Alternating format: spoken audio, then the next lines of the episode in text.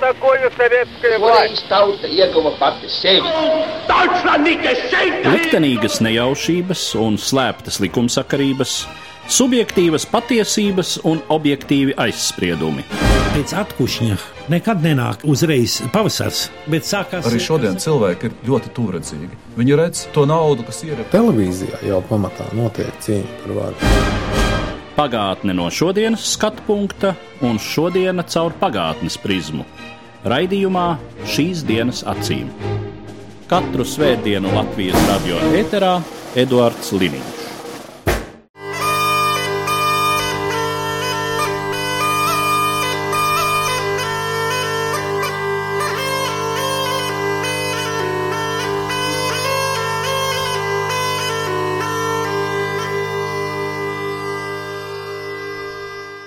Labdien, cienījamie klausītāji!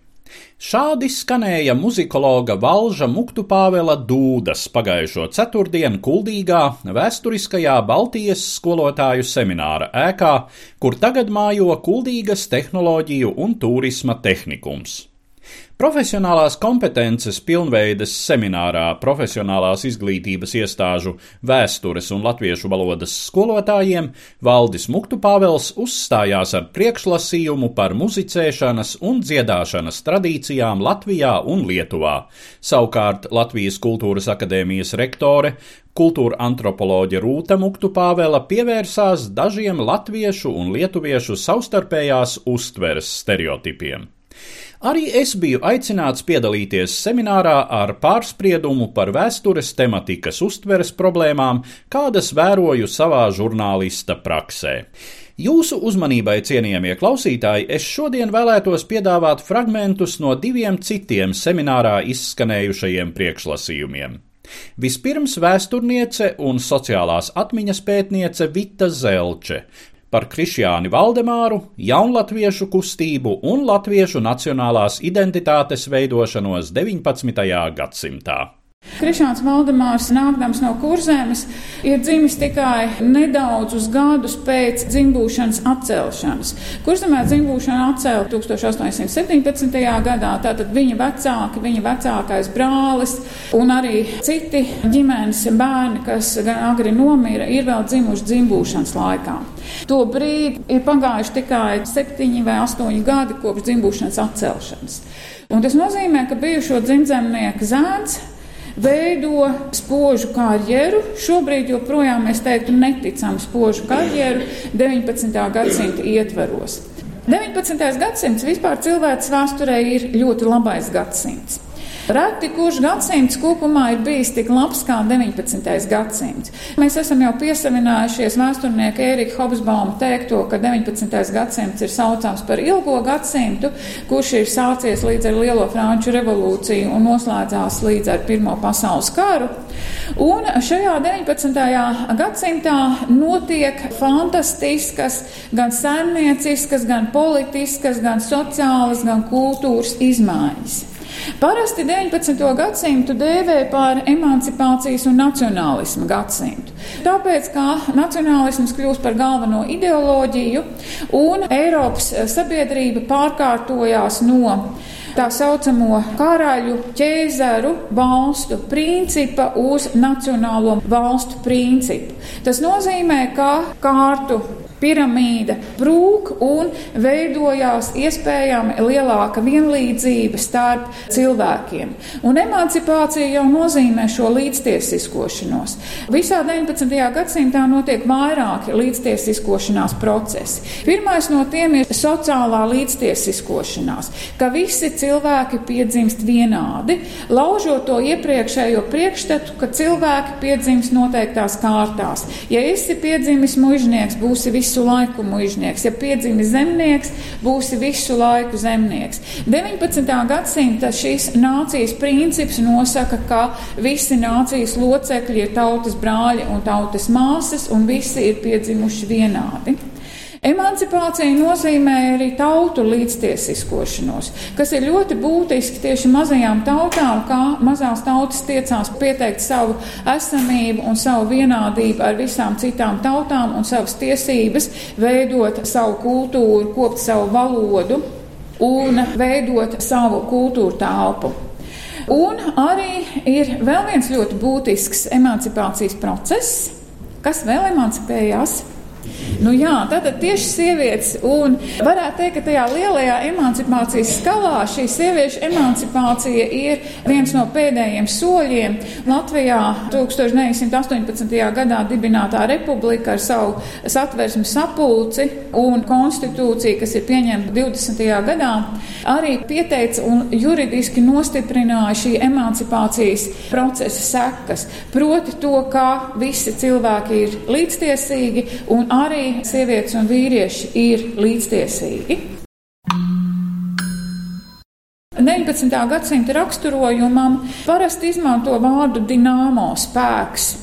Un uzsver to, ka šajā konfliktā starp tradicionālo sabiedrību tomēr vēlmē mainīties un spējai mainīties šajā gadsimtā bija izteikta nozīme kurš primitīvas mākslas veids vislabāk atspoguļo 19. gadsimtu. Tas ir cirks, Jo 19. gadsimta vidū jau visa Eiropa bija aizrāvusies ar cirku, un cirka būdas kā aizstāv stacionārie cirki, un Rīgas cirks ir ļoti labs piemērs visai šai attīstībai, gan ar ēku, gan ar savu atrašanās vietu pilsētā.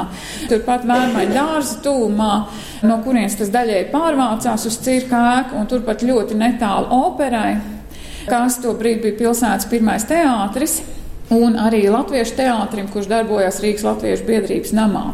Jo cirkā varēja mazais cilvēks, kurš bija tikko ieradies no laukiem pilsētā, viņš varēja baudīt vai kaifot par tām sava laikmeta sajūtām. Kā es cilvēks lieku klausīt visiem stipriem zvēriem, tostarp arī lauvām un lāčiem. Un otrā cirka programmas daļa bija cilvēka ķermeņa un spēka demonstrējumi. Jo tieši 19. gadsimtā cilvēki sāk sāk mirt aizvien mazāk, notiek lielais demogrāfiskais sprādziens un arī sāk dzīvot ilgāk. Trešais bija tas, ka cirka arēnas parasti arī kalpoja kā tehnisko jaunumu demonstrējumi. Rīgas cirks lepojās ar to, ka, piemēram, pirmā kino izrāde ir notikusi tieši cirkā, bet nevis tā kā kino, bet tobrīd tā kā brīnums, tā kā pārsteigums, ka ir iespējams pārnest cilvēku kustību uz ekrānu. Un 19. gadsimtā šajās visās dinamiskajās pārmaiņās bija jārada jauna identitāte. Un Eiropas fenomens ir nacionālās identitātes tapšana. Jo līdz tam visiem ļaudīm ir identitātes, bet tā kā ir kārtu sabiedrība, un kārtu sabiedrībā apmēram 90% cilvēku ir zemnieki, tad šiem cilvēkiem tā galvenā ir zemnieka identitāte, sava kunga zemnieka identitāte, mūžas identitāte. Un tas lielais process, kas saistās ar nacionālismu un nāciju tapšanu, ir tas, ka Eiropā cilvēki iegūst savu jaunu esības formulējumu. Ja mēs runājam par jaunatviešiem, tad jaunatvieši jau ir pirmie teorētiķi, kas konstruē latviešu identitāti. Un praktiski tas ir viņu galvenais sociālais pienesums. Pārvērst zemnieka identitāti nācijas identitātē, jo pēc dzimbūšanas atcelšanas visi šie pārmaiņu procesi risinās lēni, ir reforma grandioza, bet realizējums gauss. Zemnieki ir diezgan ieslēgti lokālās kopienās, ieslēgti savās mūžās, savās mājās. Bet sajirstot šai vecajai struktūrai, zemnieki vairs nav latviski runājoša liela cilvēku grupa, bet šie latviski runājošie sāk darboties citās profesijās un arī sāk doties uz pilsētām un arī migrē lielākās distancēs. Un šiem visiem ļaužiem, kas aiziet no zemnieku kārtas, rodās šī iekšējā krīze, jo viņiem ir jārod atbildi, kas es esmu tagad, ja es vairāk neesmu zemnieks. Un šajā nācijas identitātes konstruēšanas procesā ļoti būtiski ir izglītības un mēdīju sistēmas veidošana. Jo tieši skolas un mēdīji ir tie, kas iemāca nacionālo identitāti, lai ļaudis varētu dzīvot tālāk. Ja raugamies uz šo pirmo jaunatviešu darbības posmu, Mēs esam pieraduši uzskatīt un saistīt jaunatviešu kustību ar 1856. gadu, ar šiem trim ļoti svarīgajiem notikumiem, ar mācītāja Brāžas piespēlēto definīciju par jauno Latviju recenzijā par dziesmiņām, jo šī definīcija arī jaunatvieši ļoti labi iekļauj kopējā Eiropas nacionālo kustību vēsturē. Jaunvācu kustības bija tapušas 30. gados, vēl arī 40. 40. un 50. gados ļoti spilgta bija Itāļu nacionālā kustība, un viņu līderis Mazīnī, tas slavenais teiciens, ka katrai nācijai ir tiesības uz savu valsti, kas kaut kādā mērā sāk formēt tā laika Eiropas jauno sajūtu. Un ar šo apzīmējumu jaunatvieši arī šie procesi pie mums vairāk vai mazāk ļoti labi iekļaujās Eiropas kopējā attīstības gaitā trīs atslēgu figūras. Krišāns Valdemārs, kurš ir gados visvecākais jaunatvietis, ar ļoti skarbu dzīves pieredzi, kas viņam ir gūta kurzemē, cenšoties pārkāpt pāri kārtu aizspriedumiem un iegūt citu atzītu sociālo statusu. Un tad ir šie vairāk gadu centieni iestāties gimnāzijā un tikt pie izglītības, jo gimnāzija to brīdi paver arī kārtu durvis. Un Valdemāram tas izdodas tikai tad, kad viņš jau ir pieaudzis. Viņam ir šī aizkavējusies dzīves karjera, kad vienmēr viņam ir jādzenās kaut kam pakaļ, kas jau ir nokavēts. Valdemāra apbrīnojamais dzinējspēks ir pabeigt Liepājas augstāko apriņu skolu, iestāties Tērbats universitātē. Savulaik skatoties Tērbats universitātes arhīvu dokumentus, rūgtums vienmēr rodās no tā, ka skatoties latviešu studentu lietas, tur vienmēr ir klāt nabadzības apliecība no pagasta kas ļauj studēt par mazāku maksu vai atbrīvo no maksas. Ja salīdzina ar citiem latviešu studentiem, tad Valdemārs sekmes ir vislabākās, viņš patiešām mācījās un izmantoja visas šīs Tērbats universitātes sniegtās iespējas. Un lielā mērā arī ar šo biogrāfiju veidoja to paraugu modeli. Arī lasot nākamo pauģu latviešu jauniešu apmaiņas, ir tā pārliecība, ja viens ir izdarījis, arī citiem ir jēga censties. Nākamais šeit ir Juris Alunāns. Un trešais no lielās trijotnes - Krišāns Barons. Stāsts, protams, būtu līdzīgs Valdemāra fotografijas stāstam, bet tomēr Krišāns Barons ir desmit gadus jaunāks par Valdemāru kas jau, protams, visā šajā 19. gadsimta kontekstā viņam veido ļoti daudz priekšrocības. Tad lielais trīnieks, tāpēc, ka viņi ir pirmie, kas Tērbats universitātē definējot savu nacionālo identitāti publiski, ne tikai šaurā draugu lokā, atzīst savu etnisko izcelsmi un sāk publikācijās piedāvāt nācijas konceptu. Tobrīd tas ir laikraksts mājas viesis, kurā parādās ļoti daudz latviešu rakstošo cilvēku publikācijas, kuras to brīdi samāc kopā topošās identitātes priekšstatu, kas ir svarīgs cilvēkiem, kas nāk no zemnieku kārtas, bet ir tomēr no tās aizgājuši. Jo mājas viesī pamatā raksta skolotāji, pārsvarā cimzas skolotāju semināru absolventi, un arī tad ir Tērbats universitātes studenti, un tad ir arī pagastu rakstveži, kā pats Ants Leitāns, kas arī pārstāv rakstvežus. Tātad tie ir tie ļaudis, kas ir ārpus zemnieku pasaules. Šeit tiek konstruēts pirmais nācijas koncepts. Nācijas konstruē savu romantisko pagātni, un tā romantiskā pagātne ir šie 700 pazaudētie brīvības gadi un to atgūšana un romantiskais senlatviešu tēls, par kuru Alunānam, kurš par to raksta visvairāk nekādu priekšstatu nav, kā pētnieki viņi ir pēcāk atmaskojuši.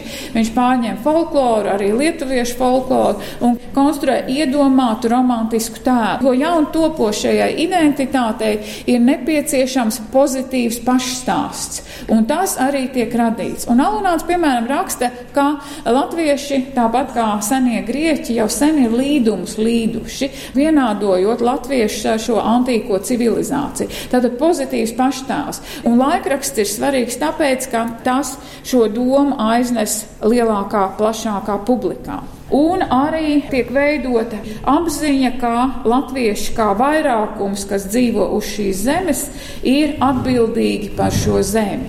Šī atbildības kultūra identitātes ietveros. Šo pašu ideju turpina arī nākamais jaunatviešu izdevums Pēterburgas avīzes, Bet Pēterburgas avīzēs vairāk ir izteikta šī emancipācijas programma, līdztiesiskošana. Šis izdevums nav tik romantisks savos ideoloģiskajos rakstos kā iepriekšējais, bet tieši emancipācija. Zemnieki, cilvēki, visi ir vienādi. Ļoti bieži pirmās nācijas robežas formē mēdīju izplatība. Tobrīd, 1864. gadā, tā ir šī mēdīju telpa, un nācijas robežas ir tik tālu, cik aiziet valoda. Jo mēdīji ir tie, kas vienādo valodu, iemāc dažādos dialektos runājošiem cilvēkiem sarunāties vienā valodā. Te ir tie, kas formē šādā kultūras areālā visiem vienādas sarunas tēmas. Visi ļauži izlasa vienu rakstu un jau var par to sarunāt sarunāties arī tad, ja paši savā starpā nav pazīstami un viens otru nekad nav satikuši. Jaunatvieši no sākuma varas iestāžu acīs tika uztvērti kā opozīcija, kā drauds esošajai varai, tika veidoti saraksti, tika meklēta jaunās Latvijas partija, bija, protams, sodi, Salīdzinot ar 20. gadsimtu, protams, ļoti maigi sodi, bet šādos sarakstos kopumā iegāja 70 cilvēki. Tātad, ja mēs raugamies uz 60. gadiem, kad ir 70 aktīvi cilvēki, tad 70. gados, kad jau ir veidojusies dziesmas nāca kustība, koru kustība, teātris spēlēšanas kustība, jau ir tūkstošiem cilvēku. Par Krišānu Valdemāru mēs teiktu, ka viņš ir bijis augsta līmeņa menedžeris jūrniecības nozarē, un viņam patiešām ir izdevies Krievijas impērijas ietveros īstenot fantastiskus projektus. Valdemārs ir bijis viens no pirmajiem, kurš ir gādājis par Krievijas naftas eksportu no Kaukāza uz rietumiem. Tobrīd gan ar kuģiem, gan tūlīt pēc viņa nāves arī šī viņa vadītā Krievijas kuģniecības veicināšanas biedrība arī sāka šos naftas vadu projektus, kurus, diemžēl, viņš pats vairs nepieredzēja. Bet laikmets un iespējas, cilvēks, kurzeme, tālākā, lielāku valstu ekonomiskā attīstība Kopumā jaunatvieši radīja nacionālās identitātes, teorētiskos pamatus un tālākās programmatoriskās nostādnes, kuras tad 70. gados, esot jaunatviešu otrajai paudzē un esot Rīgas latviešu biedrības centriem, izsējās nācijā un nācija tapa un 1918. gadā proklamēja valsti. Un nu fragmenti no uzstāšanās, kas veltīta pamatā ne vēsturei, bet šodienai. Mediju pētnieces un publicistes Sandras Veinbergas priekšlasījums - mediju mutācijas modernajā laikā. Man tēma šodien ir mēdīņu mutācijas modernajā laikā, un mums ir liela problēma ar izpratni, kas tie tādi mēdīji, kas plašsaziņas līdzekļi Interesanti, ka pašreiz mums šī mēdīju areāla jēdziens ir pastiepies daudz plašāks, un mēs zinām arī un lietojam tādu lietu kā sociālie mēdīji, ko jūs, protams, esat pamanījuši. Tas ir Twitter un Facebook. Un es vienmēr esmu pastāvējis uz to, ka tie nav mēdīji. Manī, protams, Latvijā neviens neklausās, bet aiz liela prieka es varu pateikt, ka aizvakar intervijā Dērs Špīgels Zukerbergs pats pateica, ka Facebook nav mēdījis. Un es ļoti nopriecājos, cik labi es esmu uzminējusi visi šie komunikācijas līdzekļi, kas izmanto internetu, protams, šie mēdīju portāli, TVNets, Delfi, Apollo, kas jauns, viņi ir it kā mēdīji, jums tā šķiet. Izrādās tomēr nav. Turpat blakām ir Facebook, kas šobrīd iet ļoti plaši iekšā mēdīņu areālā, un daudz lielie izdevumi pārliek visu savu saturu uz šo platformu. Un tā pašā laikā Zukerbergs pasakā, nē, man nav nekāda sakara ar mēdījiem. Es domāju, ka problēma ir atbildības jautājumā. Ja reiz jūs esat masmēdījis, tad jūs arī uzņematies atbildību par saturu, ko jūs stāstat savai publikai. Ja jūs nevarat uzņemties šo atbildību, jūs nesat mēdījis.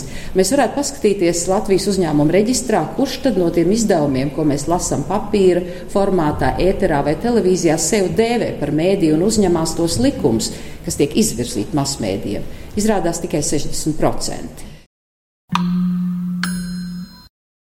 Ir ļoti plaši izplatīta blogu sfēra, kur raksta jebkurš sēdes miets, var uzrakstīt internetā tekstu, un jūsu skolnieki šo tekstu izlasīs un noticēs šim tekstam.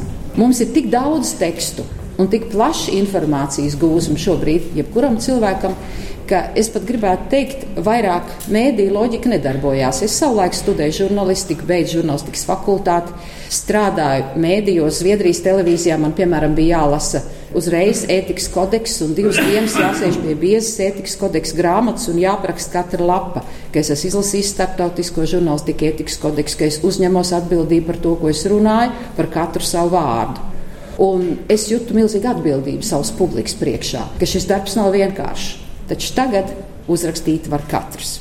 Ir vēl viena problēma. Ļoti daudz cilvēku, kas sāk strādāt masmēdījos, nav izgājuši akadēmisko izglītību Latvijas valsts universitātē vai kādā citā žurnālistus izglītojošā iestādē un neko nezina par tiem noteikumiem, kādi ir jāizvirz viņiem kā rakstītājiem publiskajā areālā. Viņi to nezina. Tātad viņi būtu jāizglīto. Pašreizējā situācijā tā nav. Kvalitatīvie un nekvalitatīvie mēdīji. Kā kvalitatīvākos mēdījus Eiropas kontinentā, vecajā pasaulē, mēs varētu minēt mēdījus, kas tiek ražoti lemjošajai elitei, visizglītotākajiem cilvēkiem, kuriem nepieciešama ļoti plaša, pamatota, dziļi argumentēta informācija par notikumiem pasaulē, ekonomikā, kultūrā, sadzīvē. Un tāds izdevums, piemēram, Eiropā ir franču izdevums Le Monde, jeb Le Monde diplomatique. Jo kvalitatīvāks ir mēdījis, jo viņš ir neizdevīgāks kā biznesa objekts. Respektīvi, dārgi maksā avoti, dārgi maksā fotografijas. Jebkuram autoram par to, kā viņš komentē notikumus, tiek prasīts ļoti pamatīgs materiāls. Autors strādā vismaz nedēļu pie katra raksta. Vadošie nodaļu vadītāji ir ar zinātnisko grādu tajā nozarē, kur viņi pēta. Tātad tas materiāls ir ļoti pamatīgi izpētīts. Tur ir ļoti daudz satura iekšā, un viņš ir prasījis ļoti daudz darba. Loģiski arī alga šiem cilvēkiem ir jāmaksā. Tagad ir jautājums, vai šāds bizness ir izdevīgs? Nē. Tāds bizness iet mīnusos, jo arī tirāža šādam ļoti kvalitatīvam izdevumam, kā es domāju, ir liela. Nē, Tātad tas ir maziņš izdevums, bet ļoti saturīgs. Jautājums, kurš ir tik godprātīgs un tāds ideālists, kas dod naudu šādam izdevumam?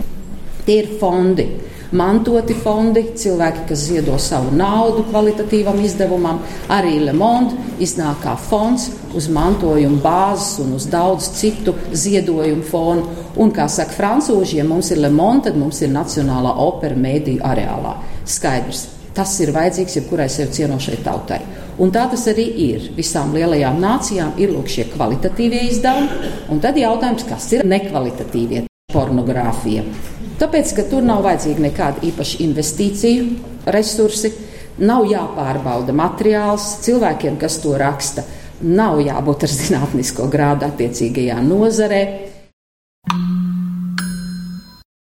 Tagad es jums esmu pateikusi divus galvenos orientierus - saknes un galotni. Jautājums, kur atrodas latviešu mēdī? Protams, ka man atbild būs diezgan hipotētiski, bet es varu pateikt tikai vienu lietu.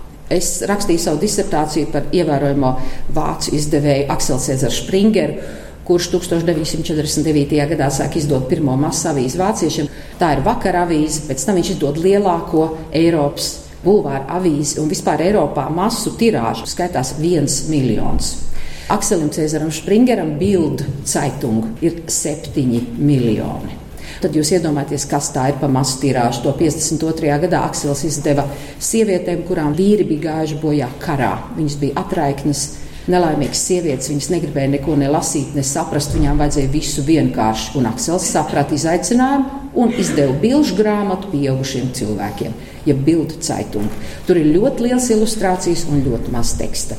Respektīvi, tiek skaidrots primitīvi, viss tiek vienkāršots, ir ļoti daudz fotografijas, lai šīs sievietes saprotu visu ļoti labi, un redziet, reakcija ir 7 miljoni. Tātad Ar 7 miljonu izdevumu Aksels Cēzars Springers pelnīja naudu, jo tas bija ļoti izdevīgi, bet viņš gribēja arī veidot politiku. Tad viņš nopirka izdevumu Der Welt, un viņš izveidoja tā saucamo dubletu. Ar vienu pelna naudu, ar otru izglīto cilvēkus. Respektīvi, lētais izdevums pludina naudu dārgajā, un tādā veidā notiek viņa konglomerāta darbība. Vai mums Latvijā ir tāds modelis? Nav. Mums Latvijā ir ļoti sarežģīta situācija tieši pašreiz. Mums visi izdevumi ir privāti, un lielākoties šie privātie izdevumi nav ar misijas sajūtu. Mums Latvijas mēdīju zonā nav izdevēja ar Rudolfa Augsteina, Dešpigela izdevēja ilūzijām, ka es vēlos izglītot apgaismot tautu, es vēlos nest gaismu, es vēlos cīnīties par patiesību. Mums tādu izdevumu praktiski nav. Mums ir biznesa aprēķins. Biznesu var panākt tikai kā uz leju, bīdot to kvalitātes skalu. Un acīm redzot, vienīgais, uz ko mēs varam paļauties, ir sabiedriskie mēdīji. Tas ir Latvijas radio un Latvijas televīzija, kuru vadībai tad būtu šī misija jāapzinās un jāsaprot, ar ko viņi nodarbojas, un būtu šī misija arī tautai jāskaidro, lai viņi īsti saprotu, ka arī sabiedrība var piedalīties kvalitatīvu mēdīju veidošanā. Ja mēs turpināsim atļaut mēdīju tirgumu būt pakļautam tirgus loģikai, mēs nonāksim pie situācijas, ka izglītoti cilvēki lasīs visu svešvalodās, Un latviešu valodā mēs tikai dejosim ar zvaigzni, mirsim ar zvaigzni, dziedāsim ar zvaigzni. Kad es sāku rakstīt savu pirmo disertāciju, es izlasīju tādu neilu postmanu grāmatu angļu valodā, izklaide līdz nāvei. Un es domāju, ko viņš pārspīlē, tas amerikānis. Bet interesanti, ka viņš to paredzēja jau tad, kad cilvēkus ja sāk izklaidēt un pieradina pie tā, ka ir tikai izklaide tad viņam ir ļoti grūti koncentrēties. Un visas tās misijas, kas mūsu mēdījiem būtu jāveic, izglītot, informēt un izklaidēt tikai trešajā kārtā, viņš vairs nepieņem. Protams, mēdīju uzņēmumiem ir jāražo nauda. Un, protams, ka tas ir nepieciešams, bet jautājumi, kādā veidā mēs varētu šo naudas plūsmu reglamentēt, ir ļoti, ļoti atšķirīgi. Dažādās valstīs pret to izturās ļoti dažādi. Lūk, piemēram, Skandināvija, kurā man diezgan ilgi bija savā mūžā jādzīvo, viņiem ir tas, ko es Latvijā nevaru realizēt. Es apmēram 30 gadus runāju par to, ka būtu jāmāca mēdīju skolā, skolēniem, ka tas būtu ļoti no svara. Jo tad tā Kremļa propaganda, kas mums šodien brauc kā buldozers virsū pret mūsu iedzīvotājiem, nedarbotos. Piemēram, Sputniks ir spiests tagad slēgt dāņu izdevumu vienkārši tāpēc, ka dāņi neņem galvā to, ko viņi raida. Un mums būtu labāk, ka mūsu cilvēki būtu izglītoti šajā jomā un spētu uztvērt mediju impulsus pareizi, tā kā viņiem analītiski tas būtu jāuztver. Skandināva, piemēram, pastāv uz to, ka ir jābūt trīs lielām avīzēm katrā valstī. Un izveidojas situācija, ka, piemēram, viena avīze, kā tas ir Latvijā, Latvijas avīze ir ekonomiski spēcīgāka, Viņu varētu pat iztikt, bet pārējās divas tā teikt, nu diezko dūšīgas nav. Un valsts tad nāk iekšā ar savu naudu un dod tām divām avīzēm, lai viņas paliek dzīvas, jo iedzīvotājiem ir vajadzīgi dažādi viedokļi par to pašu politisko procesu. Tas ir plurālisms, tas ir demokrātiski nepieciešams. Mums ir vajadzīgi šie mēdīji, bet mums Latvijā notiek pilnīgi pretējs process. Kā kāds paziņo, ka viņš apvienos divus mēdījus, ja pirks, tā mēs visam, o, cik labi. Piemēram, nedrīkstēja atļaut konkurences padomu apvienot Latvijas neatkarīgo televīziju TV3. Tas no mana mēdīju pētnieku viedokļa bija vienkārši noziegums. Lūk, vēl mēs varam palīdzēt mēdījiem ar nodokļu atlaidēm, Man bija ļoti interesanti saruna savukārt ar radiostaciju īpašniekiem. Agrāk ar vienu radiostaciju, kādreiz radio SVH ļoti daudz deva ziņas, bet izdevējiem, saprotams, nebija izdevīgi turēt žurnālistu korpusu tajā darbā, lai viņi sagatavo analīzi materiāliem un konkurē ar sabiedrisko radio. Un izdevējs man teica, nu, man taču izdevīgi viss atlaist. Un palaist tikai muzikas mašīnu, kas griež pati muziku un neko nepaskaidro, neko nerunā. Dodiet man kādu nodokļu atlaidi par to, ka es piedāvāju klausītājiem kvalitatīvu mēdīju saturu. Mēs esam nonākuši pie muzikas mašīnas. Žurnālistu profesija, es gribu teikt, ka tā ir ļoti sarežģīta profesija. Šobrīd būt žurnālistam tas nav viegli, jo runāt pretī varai ir diezgan sarežģīti. Es arī pašreiz izēju trešo instanci augstākajā tiesā Nils Ušakovs pret Sandru Veinbergu. Viņš man iesūdzēja tiesā par to, ka es kādā savā rakstā uzrakstīju, ka saskaņas partija Latvijā pauž Kremļa intereses. Izrādās, ka tas ir kaut kas ļoti sensacionāli jauns. Un viņš par to man iesūdzēja tiesā. Es e, vinnēju Talsu tiesā pret Ušakovu, es vinnēju Liepājas apgabalu tiesā, un tagad es gaidu augstākās tiesas spriedumu. Bet es jums gribu teikt atklāti, man tas maksā naudu man ir jānoliks cilvēks, man ir jāstaigā, man ir jācīnās, man jābrauc uz tiesām. Tikai tāpēc, ka es atļāvos uzrakstīt to, ko es domāju, argumentēti. Es varētu jums tagad ļoti plaši to stāstīt, ko es stāstīju tiesā, ka man ir taisnība. Un es to atļāvos pateikt. Bet man liekas nenormāli, ka Latvijā tiesu sistēma nav sakārtota kā rietumu pasaulē, ka Ušakovs un saskaņas centrs nevar tādu procesu vispār pret Vainbergu sākt, jo viņa mērķis jau ir cenzūra aizvērt man muti, lai es vienkārši nerakstu vairāk. Nu, mēs tevi atkal iesūdzēsim, un tu atkal maksāsi, un atkal iesūdzēsim. Un faktiski viņš to ir panācis, es nerakstu. Līdz ar to izskan šodienas raidījums, kurā dzirdējāt fragmentus no Kuldīgas tehnoloģiju un turisma tehnikuma rīkotajā skolotāju profesionālās kompetences pilnveides seminārā izskanējušajiem priekšlasījumiem.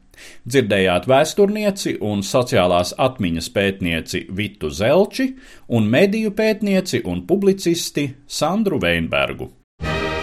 Katru svētdienu Latvijas radio viens par pagātni sarunājas Eduards Līniju.